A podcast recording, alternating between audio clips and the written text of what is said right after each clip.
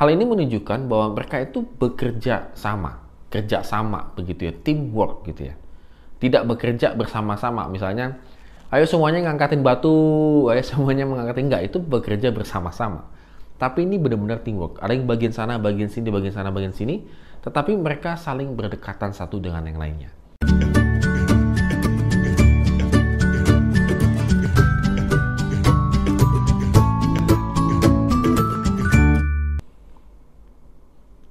Morning good readers, hari ini kita kembali merenungkan firman Tuhan, tetap semangat dan setia untuk membaca dan merenungkan firman Tuhan. Karena ini akan menjadi landasan kita melakukan segala aktivitas kita pada hari ini.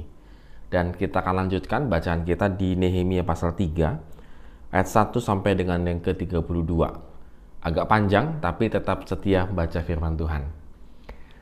Ya, good traders, mungkin dalam kehidupan kita sehari-hari kita pernah melakukan yang namanya kerjasama. Kerjasama itu sebenarnya menyenangkan, karena kalau kita bekerja dengan bersama-sama atau kerjasama begitu, pasti akan menghasilkan satu pekerjaan yang luar biasa.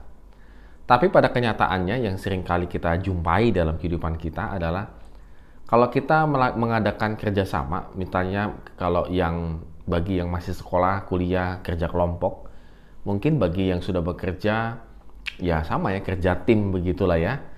Itu pasti akan banyak sekali kendala. Kenapa? Karena bagaimanapun untuk menyerah apa ya menyatukan pikiran untuk mengerjakan satu pekerjaan itu tidak mudah. Ada yang rajin ada yang ya ada yang malas-malasan dan seterusnya begitu ya. Ada yang setengah rajin setengah malas dan kalau kita pikir-pikir sebetulnya kerjasama itu adalah bagaimana kita menghasilkan satu pekerjaan yang kita kerjakan secara bersama-sama, secara kompak untuk pekerjaan itu semakin cepat selesai. Kita kadang-kadang lebih suka pakai metode bekerja bersama-sama. Artinya begini, misalnya kita sedang uh, memproduksi satu baju misalnya gitu ya. Ya tidak mungkin kan satu baju ini kita koyok kerjanya sama-sama. Misalnya semua menjahit, semua motong kain, semua ini enggak ya itu namanya bekerja sama. Tapi yang namanya kerja sama, ada yang membuat pola, ada yang menjahit, ada yang uh, mewarnai, ada yang memproduksi, mencetak, dan seterusnya. Itu namanya kerja sama, sehingga pekerjaan menjadi cepat selesai. Demikian juga hal yang dialami oleh yang namanya Nehemia. Ketika dia tahu bahwa tembok-tembok itu runtuh, maka tembok itu adalah bagian yang penting dalam satu kota. Kalau tembok sampai runtuh, maka boleh dikatakan kota itu pasti tidak aman. Musuh bisa datang kapan saja dan dari mana saja. Oleh karena itu dia penting sekali untuk membangun kembali tembok Yerusalem. Dan bagaimana cara membangunnya? Dia membutuhkan SDM yang tidak sedikit, SDM yang sangat banyak. Kalau tadi kita perhatikan, itu semua kalangan Israel atau kalangan orang Yahudi bahu membahu untuk membangun tembok Yerusalem. Baik itu dari perempuan bahkan gitu ya, dari perempuan, pedagang, imam dan seterusnya, mereka semuanya bahu membahu untuk membangun kembali tembok Yerusalem. Kalau kita perhatikan, caranya sangat sangat uh, sangat unik. Kata di sampingnya berdekatan gitu ya, itu muncul berkali-kali hampir di setiap ayat kata berdekatan dan di sampingnya.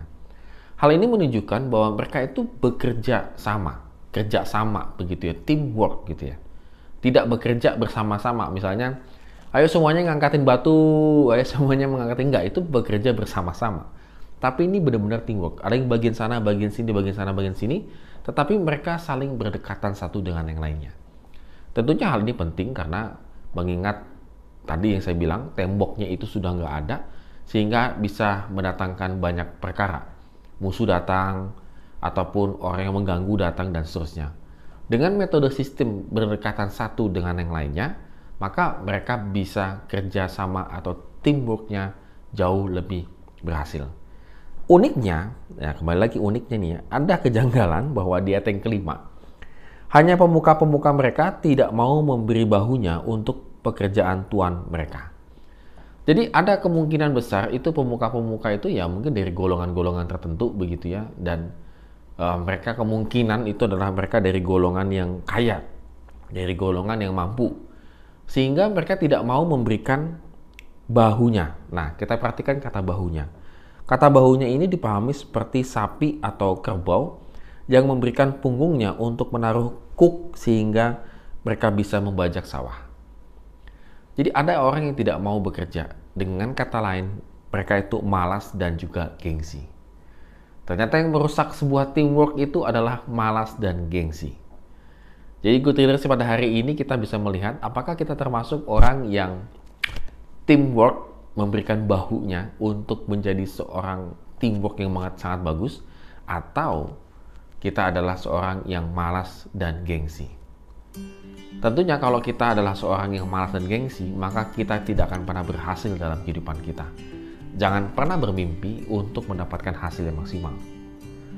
Orang yang menjadi sukses adalah orang yang mau memberikan bahunya, artinya dia mau bekerja dengan keras dan juga bisa kerja sama dengan yang lainnya.